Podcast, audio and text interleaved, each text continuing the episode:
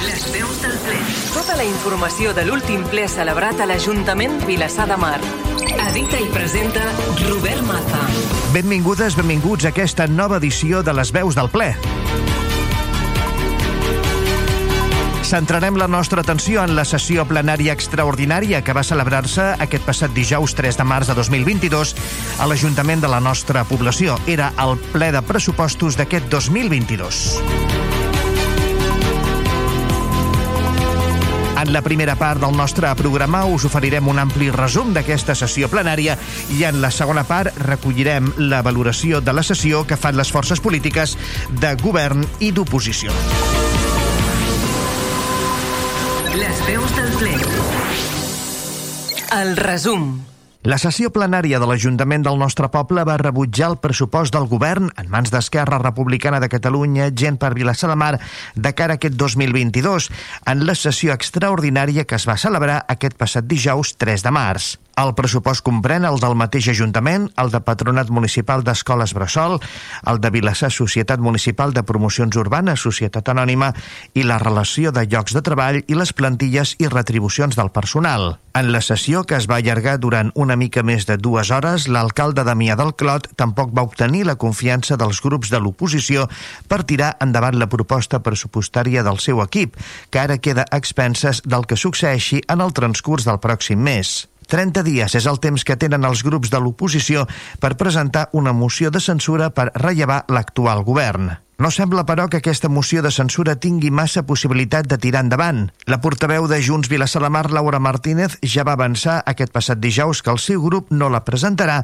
perquè no volen l'alcaldia a qualsevol preu. La volen, va dir, perquè la ciutadania els hagi fet confiança. Perquè prosperi, si algun grup la presenta, la moció de censura necessita majoria absoluta, és a dir, un mínim d'11 vots. En cas contrari, el govern, en mans d'Esquerra Republicana de Catalunya, gent per Vilassar de Mar, continuarà al capdavant de l'Ajuntament i el pressupost rebutjat ahir quedarà aprovat tal com preveu la legislació. Presentats pel regidor d'Hisenda Josep Soler, els comptes per l'exercici 2022 van rebre els 12 vots en contra de tots els grups municipals de l'oposició i els 8 a favor d'Esquerra Republicana de Catalunya, gent per Vilassar de Mar, que no va poder comptar amb el vot de la regidora Núria Arassa per indisposició. La no aprovació va fer que el pressupost quedés lligat a la qüestió de confiança sobre l'alcalde, recollida en el segon punt de l'ordre del dia, que es va saldar amb el mateix resultat. Els 12 edils dels grups de l'oposició van negar la seva confiança a Damià del Clot, que amb el suport dels 8 representants del seu govern no va tenir prou per tirar endavant el pressupost. Les votacions es van succeir després que Soler desglossés el pressupost. El pressupost de l'Ajuntament està xifrat en 25.068.507 euros. En relació al pressupost del Patronat de les Escoles Bressol Municipals, el desglossament és el següent, ingressos 1.227.387 euros i despeses 1.227.387 euros. Pel que fa al pressupost de la SCA municipal, el desglossament és el següent. Despeses 827.455 euros i ingressos 944.382 euros. El regidor d'Hisenda va explicar que aquest pressupost té per objectiu primer realitzar inversions de gran rellevància pel municipi, tant en la via pública com en equipaments culturals, esportius, educatius i de serveis generals i també va afegir millorar la qualitat de vida dels veïns i veïnes sense augmentar la pressió fiscal, vetllar per les persones en situació de vulnerabilitat, millorar substancialment la neteja viària, platges i rieres incentivar l'estalvi energètic mitjançant la instal·lació de plaques fotovoltaiques. Soler va afegir que es millora la inversió en equipaments culturals i esportius. S'incrementa en un 88,5% les inversions en centres educatius i s'incrementa el pressupost de neteja viària, platges i rieres. Va qualificar el pressupost de realista i va incidir en els 350.000 euros més que el govern preveu recaptar mitjançant l'IBI i en el manteniment del deute per sota del 75%, la qual cosa permet demanar préstecs i fer altres qüestions, segons va aclarir. Entre les partides que va esmentar destaquen el milió 23.000 euros destinat a manteniment de la via pública, els 860.215 euros d'inversions en equipaments i els 360.000 euros previstos per inversions en la policia, material informàtic, habitatge i estalvi energètic. La millora dels equipaments esportius compta amb un pressupost de 177.400 euros, mentre que per l'ampliació de l'Ateneu es preveu destinar 215.000 euros. Josep Soler va afirmar que, tot i la forta inversió, 2,25 milions d'euros, el pressupost és realista i no s'incrementa l'endeutament. Va explicar que se segueix incrementant la despesa social i en igualtat i es destinen un 4 milions d'euros a serveis públics com ara seguretat, mobilitat, accessibilitat, habitatge, vies públiques, benestar comunitari i medi ambient. En el torn de paraula de l'oposició, Ciutadans va argumentar el seu vot en contra del pressupost perquè no genera esperança ni il·lusió ni defineix un model de poble. El portaveu d'aquesta formació política, Juan Díaz, va manifestar que el pressupost és un instrument per la millora del poble i que el govern no ho fa i no és sensible a les necessitats i problemes de la gent del poble i augmenta en 350.000 euros la recaptació a través de l'IBI. Va dir que estan decebuts per les despeses perquè es preveu 550.000 euros menys que el 2021 i va afegir que la meitat es paga amb el que es va deixar d'invertir l'any passat. Va dir que, a més, només el 9% de les execucions són transformadores. Va subratllar que la resta són reparacions que s'han de fer. Juan Díaz va retreure al govern el retard en presentar el pressupost. El Partit dels Socialistes de Catalunya va considerar que el govern es limita a fer un mer exercici de números sense informe polític i sense dir on volen arribar i quin poble volen. Va afegir que el govern ha desaprofitat la finestra d'oportunitat que oferia la pandèmia de la Covid-19 per fer un pressupost diferent. El portaveu del Partit dels Socialistes de Catalunya, Quico Zamora, va retreure al govern la baixa execució del pressupostat, l'increment de la pressió fiscal a través de l'IBI, la manca de planificació pel que fa a l'habitatge i l'absència d'informes polítics que expliquin els objectius de cada àrea, entre altres qüestions. En relació a la baixa execució del pressupostat, va dir que el desembre passat només s'havien executat 50.000 dels 2.620.000 euros del pressupostat al 2020. Va dir que el PSC suspèn la gestió del govern perquè el pressupost hauria de ser una eina de transformació del municipi, de futur, i no meres partides per gastar en el més immediat. Per això, va dir, no calen polítics. Vavor va assegurar que la proposta és molt deficient i va afegir que el govern no té cap proposta valenta ni cap nou repte. Van manifestar que el pressupost no només és continuista, sinó que es limita a proposar tot allò que el govern no ha fet durant els exercicis anteriors. Vavor va manifestar que el govern no es planteja acabar amb les subvencions a dit, no augmenta el personal, no es parla de l'eina que permet fer una bona gestió del personal, redueix despesa en habitatge i no preveu res per la nefasta gestió de la piscina municipal i de la concessió del camp de futbol.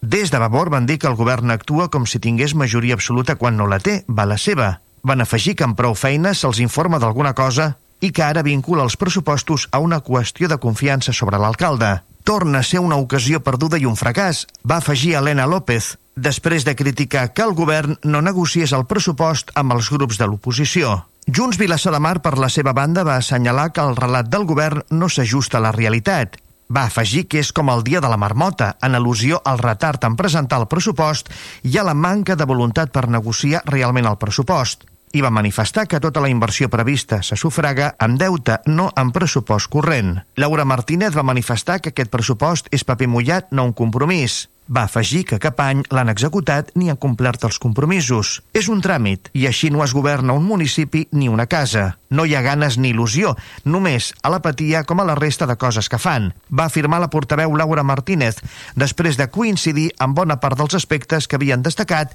els altres grups de l'oposició.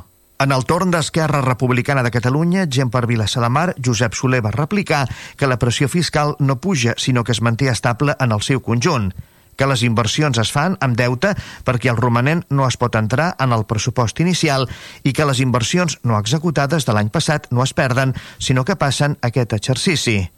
El rebuig de tots els grups de l'oposició al pressupost va donar pas a la qüestió de confiança sobre l'alcalde Damià del Clot, que, com ja havien fet tots els grups municipals de l'oposició amb anterioritat, va començar el seu discurs condemnant la invasió russa d'Ucraïna i va mostrar la seva solidaritat amb el poble ucraïnès. Del Clot va agrair la feina feta per la regidoria encapçalada per Soler i pel Departament d'Intervenció i va incidir en la dificultat de governar en un context en el qual, va dir, ens ha passat de tot, en al·lusió a la pandèmia, la temporalitat d'alguns treballadors del consistori, inclosa la de la persona responsable d'intervenció que va combinar la feina en dos ajuntaments. L'alcalde va subratllar que ha estat un mandat de molta complexitat en la gestió pública, on la política ha hagut de gestionar la immediatesa, on molts altres factors no han ajudat, i va afegir, creguin-me que no ha estat gens fàcil.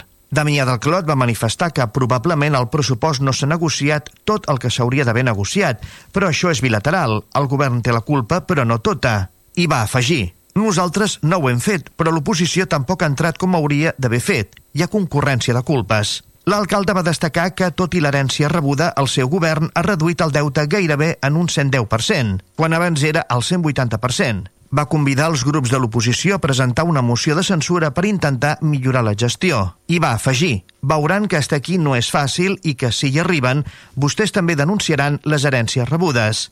El discurs de l'alcalde no va fer canviar el sentit del vot en cap dels grups de l'oposició, que van reiterar algunes de les crítiques ja expressades respecte al pressupost i van acusar l'alcalde de no generar la confiança que estava demanant.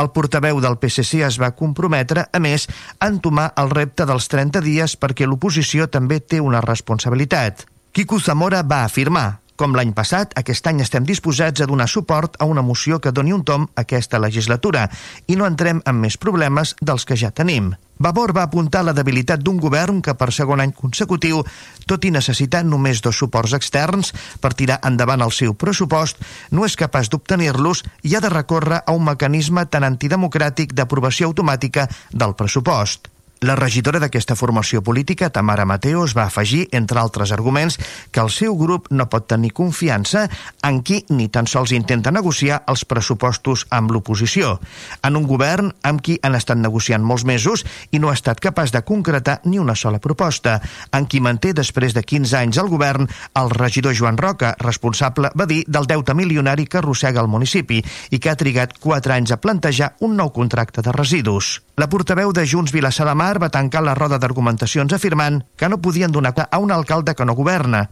que no es dedica a Vilassar de Mar i que no es preocupa per les necessitats de la seva ciutadania. Tot seguit, Laura Martínez va anunciar que el seu grup no presentarà cap moció de censura perquè la ciutadania va donar a Esquerra Republicana de Catalunya, gent per Vilassar de Mar, una majoria molt ampla i va deixar l'oposició molt fragmentada, la qual cosa fa molt difícil, va subratllar, que es posin d'acord a un any de les eleccions i tenint ideologies tan diferents. La portaveu de Junts Vilassar de Mar va subratllar que no volen l'alcaldia a qualsevol preu, la volen perquè la ciutadania els hagi fet confiança, per fer un govern que millori la vida dels vilassarencs més segur amb més cultura i va afegir que seguiran treballant per això, però no per la porta del darrere, sinó del davant. La sessió plenària es va tancar amb la votació nominal de la qüestió de confiança, que va tenir exactament el mateix resultat que la del pressupost.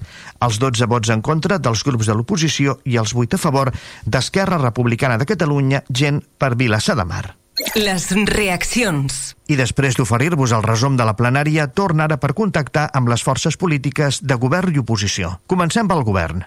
Esquerra Republicana de Catalunya. Gent per Vilassar de Mar. Àngel Font. Un ple molt important donat que es debatien els pressupostos de, del present exercici per Vilassar de Mar, com tots sabeu.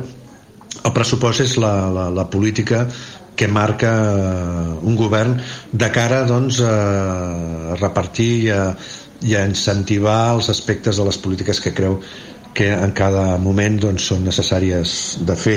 Bé, doncs eh, nosaltres, eh, com a govern d'Esquerra Republicana de Catalunya, gent per Vilassa de Mar, vam preparar uns pressupostos amb uns objectius doncs, eh, molt clars, és a dir, necessitem fer inversions importants al municipi. Inversions que requereix tant la, la via pública com els equipaments eh, municipals, els equipaments eh, esportius, els, els eh, culturals, educatiu, educatius, tots els eh, equipaments eh, corresponents a serveis municipals que presten serveis als ciutadans. No?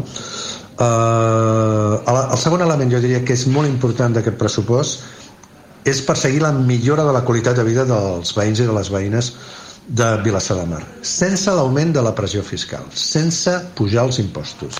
Més que res, m'interessa destacar això perquè des del grup municipal de Junts, especialment, eh, es fan afirmacions constants de que aquest govern ha pujat els impostos.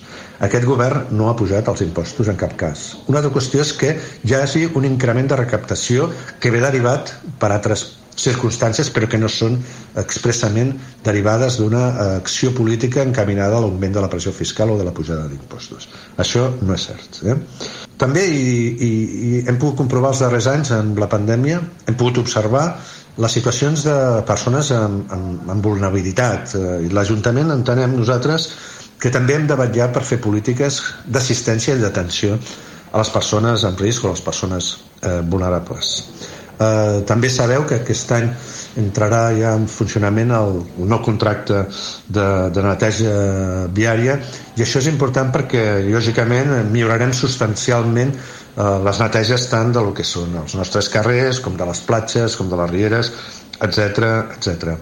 I una de les polítiques que també destacaria d'aquest pressupost doncs, són el, el, incentivar l'estalvi energètic, eh, mitjançant la instal·lació de, especialment del que també podríem dir de les plaques fotovoltaiques en els equipaments municipals, en alguns dels equipaments municipals que es monitoritzaran per poder fer aquestes, aquestes instal·lacions. Bé, una altra qüestió és que lligat al pressupost eh, es portava també en el ple una moció de confiança perquè en cas de que no s'aprovés el pressupost l'alcalde demanaria la confiança i si l'obtenia igualment quedaven aprovats aquests pressupostos. Bé, no es van aprovar els pressupostos, tampoc la, la moció de confiança, per tant els grups municipals de l'oposició tenen la possibilitat en el termini d'un mes de presentar una alternativa per conformar un nou govern amb un nou alcalde.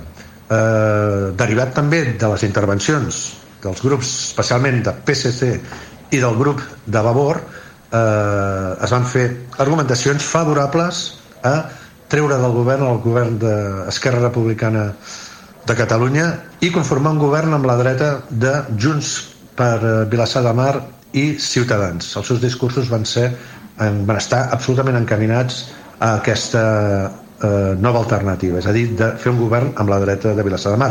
Més que res ho dic perquè els electors ho tinguin eh, clar, no se n'oblidin de cara a les eleccions que tindrem eh, el proper any i que serà molt, serà molt important serà molt important no, no perdre de vista aquesta, aquesta situació que es va donar ahir en el ple. Per tant, nosaltres eh, entenem que seguirem governant també perquè la intervenció del, del portaveu de Junts per Catalunya va dir que no jugarien aquesta carta d'arribar a un govern d'esquerres en aquest moment, un govern d'esquerra republicana que està fent polítiques d'esquerres precisament, i per tant sembla ser que no tirarà endavant eh, aquesta, aquesta possibilitat de fer un nou govern a Vilassar de Mar. Per tant, és molt probable que el govern actual acabi la present legislatura amb el pressupost, aquest que hem presentat, aprovat donada que no s'ha presentat aquesta alternativa.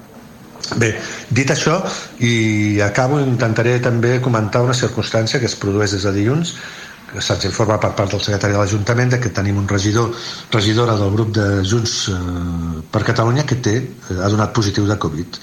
Eh, tant des del comitè com des del mateix Procicat que es va informar de la situació se'ns indica que aquest regidor no hauria d'assistir al ple donat el risc que presenta. Tot i això, la, des d'aquest grup municipal van decidir de portar aquest regidor al ple donat aquestes circumstàncies es va habilitar un espai perquè pogués estar i romandre durant els debats i se'l cridava en el moment de les votacions que assistia a la sala on de plens, on estaven els regidors 21 regidors els eh, treballadors de l'Ajuntament i el públic que estava assistint eh, en aquells moments. Entenem nosaltres que és una absoluta irresponsabilitat, que per un vot eh, s'arrisqui d'aquesta manera la salut de tantes persones, més enllà de que inclús el mateix grup d'Esquerra Republicana Gent per Vilassa de Mar tenia una persona amb símptomes de possible Covid i no amb un positiu i no va assistir al ple precisament per evitar aquest tipus de riscos perdent un vot, però és que és molt més important eh, garantir la salut de totes les persones presents que jugar amb un vot més o jugar amb un vot eh, menys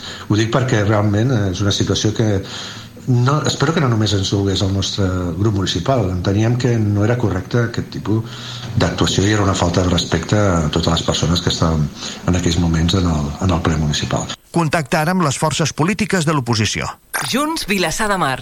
Laura Martínez. En aquest ple, el govern d'Esquerra Republicana i Gent per Vilassar de Mar ha presentat el pressupost de l'any 22 lligat a una qüestió de confiança i ho han fet el mes de març. En cap moment d'aquest mandat el govern ha tingut la intenció de negociar cap dels pressupostos. El pressupost s'integra per als ingressos i per les despeses. Anem a veure els ingressos. Els ingressos venen de, bàsicament dels impostos i taxes que paguem els ciutadans i dels préstecs bancaris. Pel que fa als impostos, cada any hem reclamat al govern que no apugi l'IBI i no ens ha fet cap cas. Aquest any pressuposten més de 350.000 euros de més en concepte d'IBI. L'any passat va pujar 700.000 euros més. Per tant, ja tenen un milió més que fa 3 anys. I en quant als préstecs, cada any demanen préstec per pagar les inversions. Aquest any demanen 2 milions d'euros de préstec i el pitjor de tot és que no se'ls gasten. Per tant, no entenem que si no es gasten el que tenen s'hagi de demanar diners al banc ni pujar els impostos als ciutadans i les ciutadanes de Vilassar de Mar. Respecte a les despeses no hi entrarem perquè són paper mullat. Cada any ens presenten uns projectes que després no executen. Fa tres anys que els pressupostos de la gespa del camp de futbol estan al pressupost i no l'han executat o van pressupostar un skatepark que tampoc es va executar mai i com això moltíssimes altres coses perquè ja hem dit que no es gasten els diners que tenen. El pressupost no es va aprovar i acte seguit l'alcalde ens demana que li fem confiança. Un alcalde que no governa, que no es dedica a Vilassar de Mar, que no es preocupa per les necessitats de la seva ciutadania i ens demana que li fem confiança. Un alcalde que ja ens ha demostrat com treballa o com no treballa. De part nostra, confiança zero en aquest alcalde. Hem vist com tot aquest temps com s'han anat degradant els carrers i les places, com el contracte de neteja i recollida, neteja viària i recollida d'escombraries està caducat i porta 3 anys caducat com la concessió del camp de futbol municipal està caducada des de fa dos anys, com no s'ha reunit la comissió de la piscina en tot aquest temps malgrat hi haguessin dificultats, com no s'ha fet política cultural, com ha sigut de, de nefasta la gestió de la pandèmia, com els equipaments no han tingut el manteniment necessari. Això és el que hem vist dia rere dia des de que governa el senyor Damià del Clot i, per tant, confiança zero en ell. L'alcalde només presenta aquest punt per poder aprovar el pressupost per la porta del darrere. Si d'aquí a 30 dies l'oposició no presenta una moció de censura, el pressupost quedarà automàticament aprovat. I si volien fer servir aquest mecanisme, la veritat és que el podien haver iniciat el mes de novembre i haguéssim tingut pressupost a 1 de gener. Perquè en el ple d'ahir, des de Junts, ja vam anunciar que no presentaríem una moció de censura. La ciutadania, amb els seus vots fa 3 anys, els hi va donar una altíssima majoria i una oposició molt, molt fragmentada i amb ideologies molt diferents, que fa molt difícil posar-se d'acord a l'hora de prioritzar les polítiques públiques i molt menys a un any d'eleccions i haver de gestionar les misèries que ens han deixat. Nosaltres volem l'alcaldia de Vilassar de Mar. Volem l'alcaldia, però no la volem perquè sí no per seure en aquella cadira de l'alcalde i deixar caure els braços com han fet ells. La volem perquè la ciutadania ens hagi fet confiança i la volem per millorar la vida dels vilassarencs i vilassarenques, perquè volem un vilassar de, de mar net i cuidat, un vilassar segur, amb més justícia social, que doni oportunitats als més joves i que millori la qualitat de vida dels més grans, que aposti per la millora del medi ambient, per la cultura, per la vida saludable i per l'esport, i que cuida i millora els espais públics que són de tots. Vavor. Helena López. Des de Vavor fem una valoració molt negativa del ple d'ahir. El ple constava de dos únics punts, l'aprovació del pressupost municipal pel 2022 i la qüestió de confiança presentada per l'alcalde vinculada a l'aprovació del pressupost. Els dos punts van ser rebutjats amb el vot unànim en contra de tots els grups de l'oposició. Pel que fa al pressupost, tres són els motius principals de Vavor per rebutjar-los. En primer lloc, per la forma de presentar-los. Ahir va quedar clar que el govern en cap moment ha tingut la més mínima voluntat de negociar el pressupost amb els grups de l'oposició, ja que des de l'inici ha optat per utilitzar la qüestió de confiança com a mecanisme per aprovar el pressupost de manera automàtica, tot i el posicionament en contra de la majoria del plenari. Per fer això, per no negociar res, per què s'ha esperat fins al mes de març per presentar els comptes? No hi ha res que justifiqui aquesta demora. Si haguéssim presentat el pressupost a l'octubre o al novembre com tocava, tot i la moció de confiança, hores d'ara ja tindríem el pressupost aprovat i vigent. Així doncs, Tota la responsabilitat en l'endarreriment de l'aprovació del pressupost recau única i exclusivament en el govern, que és qui té l'obligació i la responsabilitat política de presentar el seu projecte de pressupost i de, i de treballar-lo amb la resta de grups per assolir un consens polític que permeti tirar-lo endavant. En segon lloc, pel seu contingut. La proposta presentada pel govern no, no planteja cap aposta valenta ni afronta cap dels reptes que té el poble. És més, evidencia que el govern no en té cap de projecte de poble, no té unes línies prioritàries i no té cap planificació. El pressupost no només és continuista respecte del que es ve fent fins ara, sinó que pràcticament es limita a tapar forats i fer allò que tot i estar previst no s'ha executat en exercicis anteriors. I en tercer lloc, parlar el grau d'incompliment del pressupost.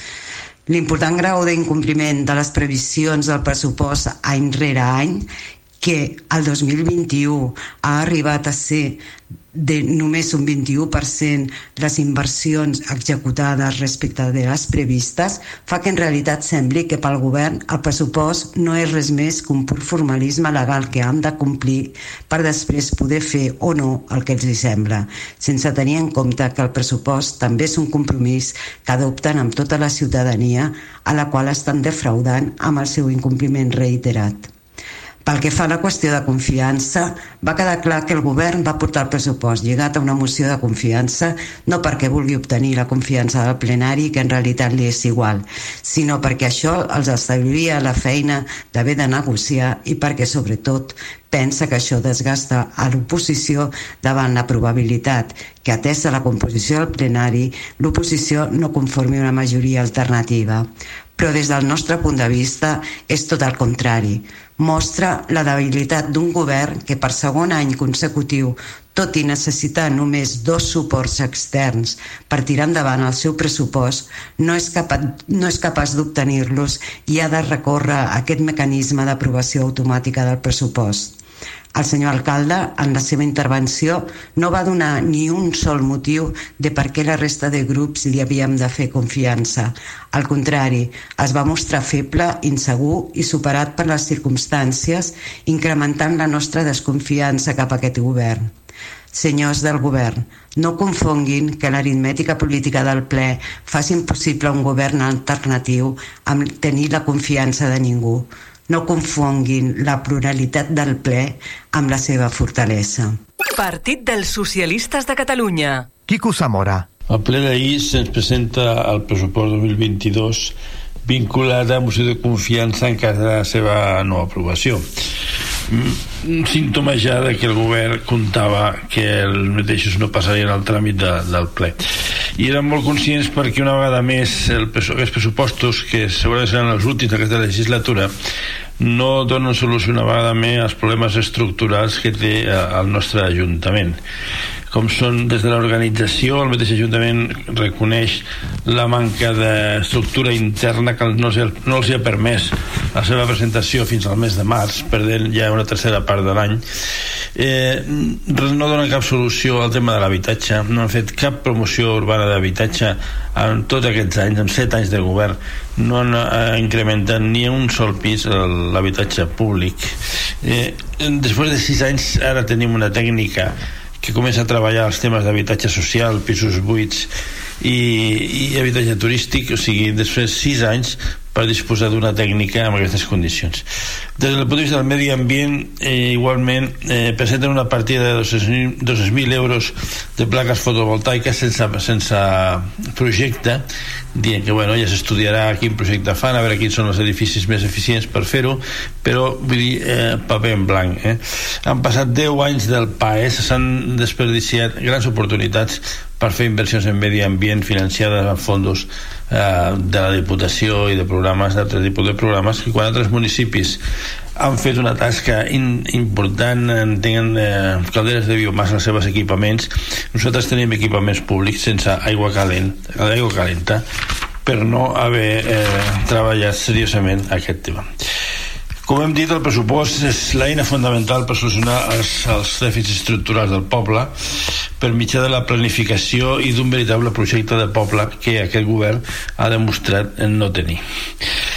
Eh, per altra banda, una vegada eh, rebutjats els pressupostos, s'ha presentat la moció de confiança i aquí ens ha sorprès el punt de l'alcalde fent-se una exposició eh, victimista dient que, bueno, que no és fàcil la, la gestió governamental cosa que eh, es pot deduir fàcilment i que bueno, pràcticament per això eh, demanava la confiança sense cap mena d'exposició de projecte ni explicació dels objectius de legislatura ni de les àrees.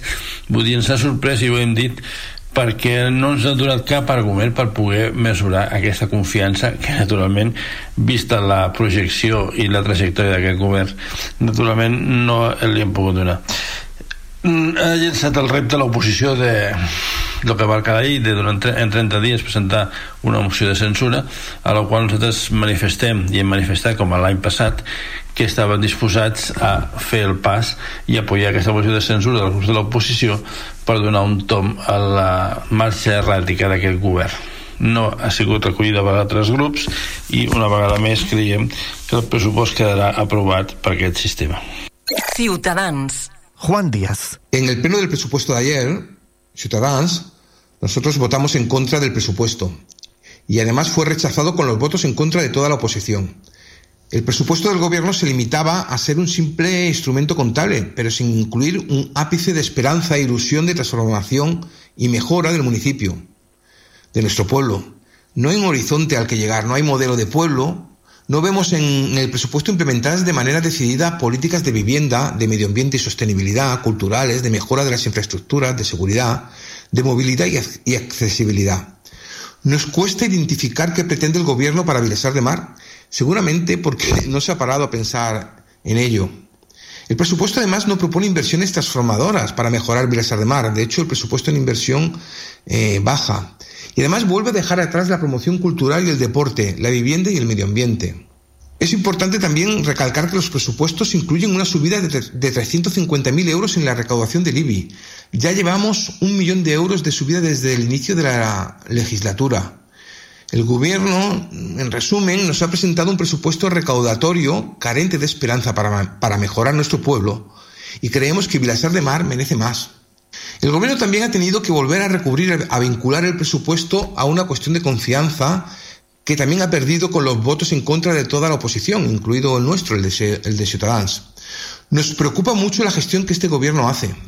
Falta iniciativa. Han caducado contratos y concesiones importantes como el de recogida de residuos o la concesión del campo de fútbol. Hay una deficiente gestión de la piscina municipal. Ha mostrado inacción, poca diligencia y falta de planificación. No tenemos esperanza en que esto cambie y es imposible en estas condiciones dar un, dar un voto de confianza.